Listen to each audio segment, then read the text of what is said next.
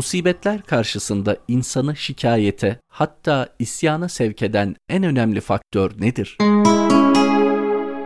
Organlarımızın doğru çalışmasında en ufak bir katkımız dahi olmamaktadır. Onları benim organlarım deyip sahiplenemeyiz. Çünkü onları biz üretmediğimiz gibi onların şu anda çalışmasını sağlayan da biz değiliz. Mesela kalp kapakçıklarımızın atıyor olması, açılıp kapanıyor olması bizim için harikulade önemli bir olaydır. Ancak bunu biz irademizle yapmayız. Şayet bu olay bizim irademize bırakılsaydı kalp kapakçıklarımızı defalarca açık veya kapalı unutur ve hayatımızı kaybederdik. Bedenimizdeki organların hiçbiri bize ait değil. Onların hiçbirini biz çalıştırmıyoruz. Hiçbirini bir yerden satın almadık, üretmedik. Hiçbirisi üzerinde bir sahiplik ilişkisiyle bulunmuyoruz görevlerinin isimlerini bile detaylı bir şekilde bilmeyen, bedenindeki akciğerin, karaciğerin vesaire organların fonksiyonlarını, vazifelerini, yüzlerce işe yarayışlarını ve bu işlerin isimlerini bile bilmeyen insanın bunlara sahip olması,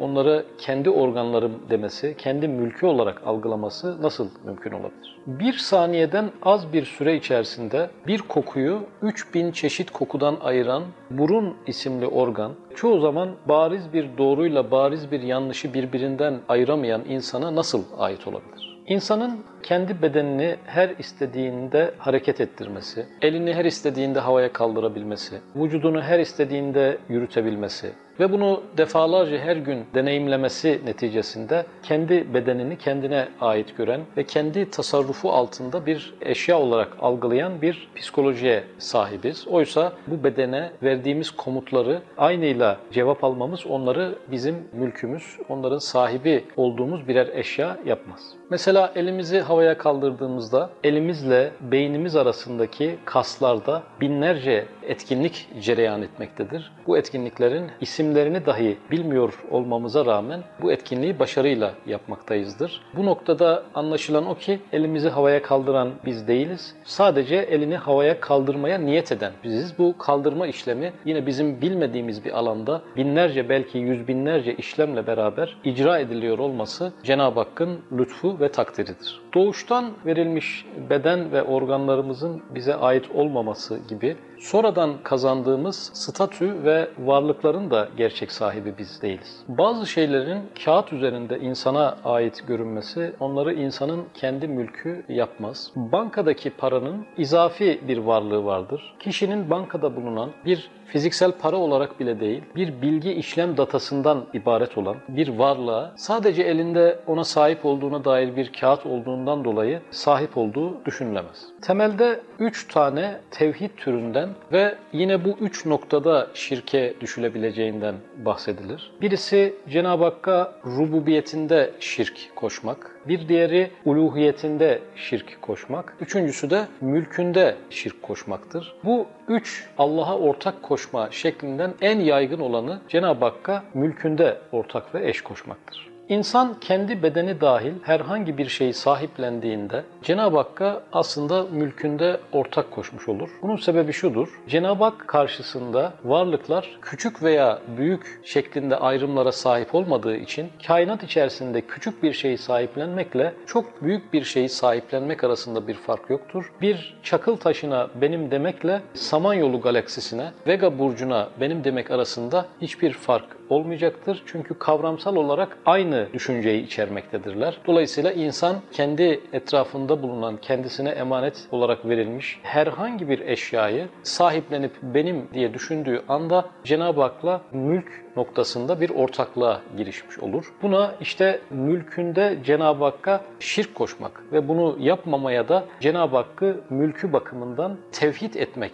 şeklinde ifade edilir ailesini, çocuklarını, arabasını, makamını, evini gerçekten kendisine ait olarak gören bir insan, bir şey aynı anda iki varlığa birden ait olmayacağına göre Cenab-ı Hakk'ın umumi mülkünden bir parçayı kendi hususi mülküne almış olmaktadır. Bu da küçük ve büyük ilişkisi ile kainata bakmayan, her şey karşısında sonsuz büyüklüğe sahip olan Rabbimizin mülkünden bir şeyi kendisine atfetmekle insan Cenab-ı Hakk'ın umumi mülkünü kendisine ait görmek kadar büyük bir hata içerisine düşmüş olur. Hiçbir nimet insanın kendisine ait değildir. Dolayısıyla nimetin kaybı anlamına gelen hiçbir musibet insanın kendi mülküne dair bir kayıp değildir. Cenab-ı Hak kendisine ait olan bir mülkten emaneten verdiği insandan bir parçasını geri almakla aslında insanın bir şeyini almış olmaz. Dolayısıyla insan neyi kaybederse kaybetsin aslında başına bu manada bir müsibet gelmiş sayılmaz. Mülkün sahibi mülkünde dilediği gibi tasarruf eder. Kendi mülkünde dilediği kararlara imza atar ve kendi mülkünü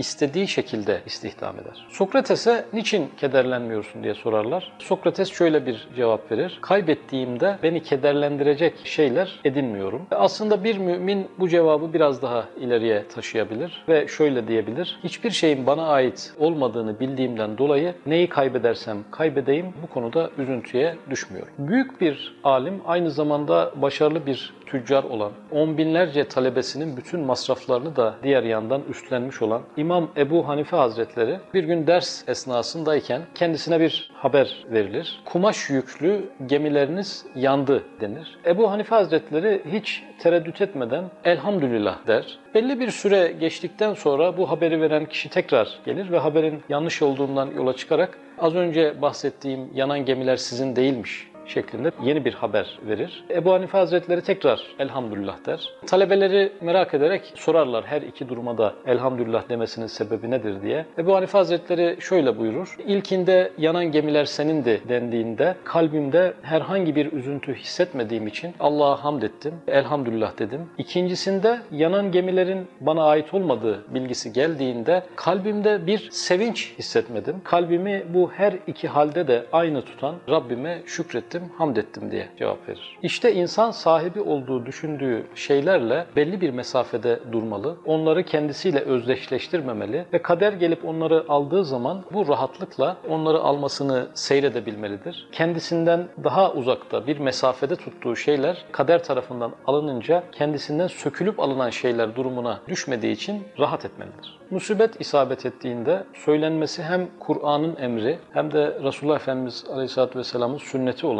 inna lillahi ve inna ileyhi raciun ifadesi biz Allah'a aidiz ve sonunda ona döneceğiz anlamına gelmektedir. Bu ifade biraz daha açıldığında biz Allah'a aitiz, bizi yaratan O'dur, yaşatan O'dur, kabiliyetlerimizi, hislerimizi, duygularımızı, düşüncelerimizi yaratan O'dur. Bedenimiz dahil, sahibi olduğumuz şeyler dahil, belli bir statü kazanmışsak o dahil tamamen Cenab-ı Hakk'a aittir. Kendi varlığımızla, duygu ve düşüncelerimizle Allah'a ait bir varlık olduğumuzu bir musibet gelip çattığında hemen hatırlamalıyız. Dolayısıyla inna lillahi ve inna ileyhi raciun ifadesiyle başımıza bir musibet geldiğinde acı çeken benliğimizin de kaybettiğimiz o şeylerin de Cenab-ı Hakk'a ait olduklarını hatırlayarak ferahlamalıyız. İnna lillahi ve inna ileyhi raciun ifadesiyle canımız, bedenimiz ve malımız Allah'a aittir. Allah'a ait olan bu şeyler üzerindeki tasarruf yetkisi tamamen o mülkün sahibi olan Cenab-ı Hakk'a aittir. Dolayısıyla hayatımızdaki